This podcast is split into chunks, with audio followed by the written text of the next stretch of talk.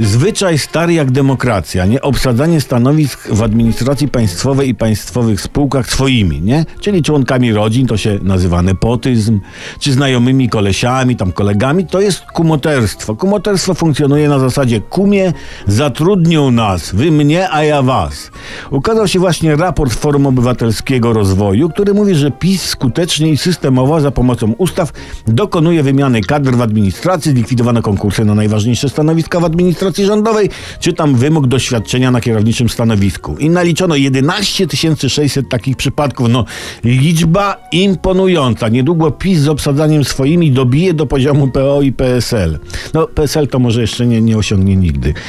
Kiedyś ktoś powiedział, że nie powinno się zatrudniać członków rodzin w instytucjach państwowych, które stały się łupem po wyborach.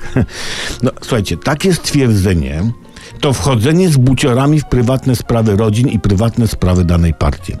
Zdajmy sobie w końcu sprawę, że instytucja opanowana przez partię nie jest już instytucją państwową, ale prywatną, partyjną.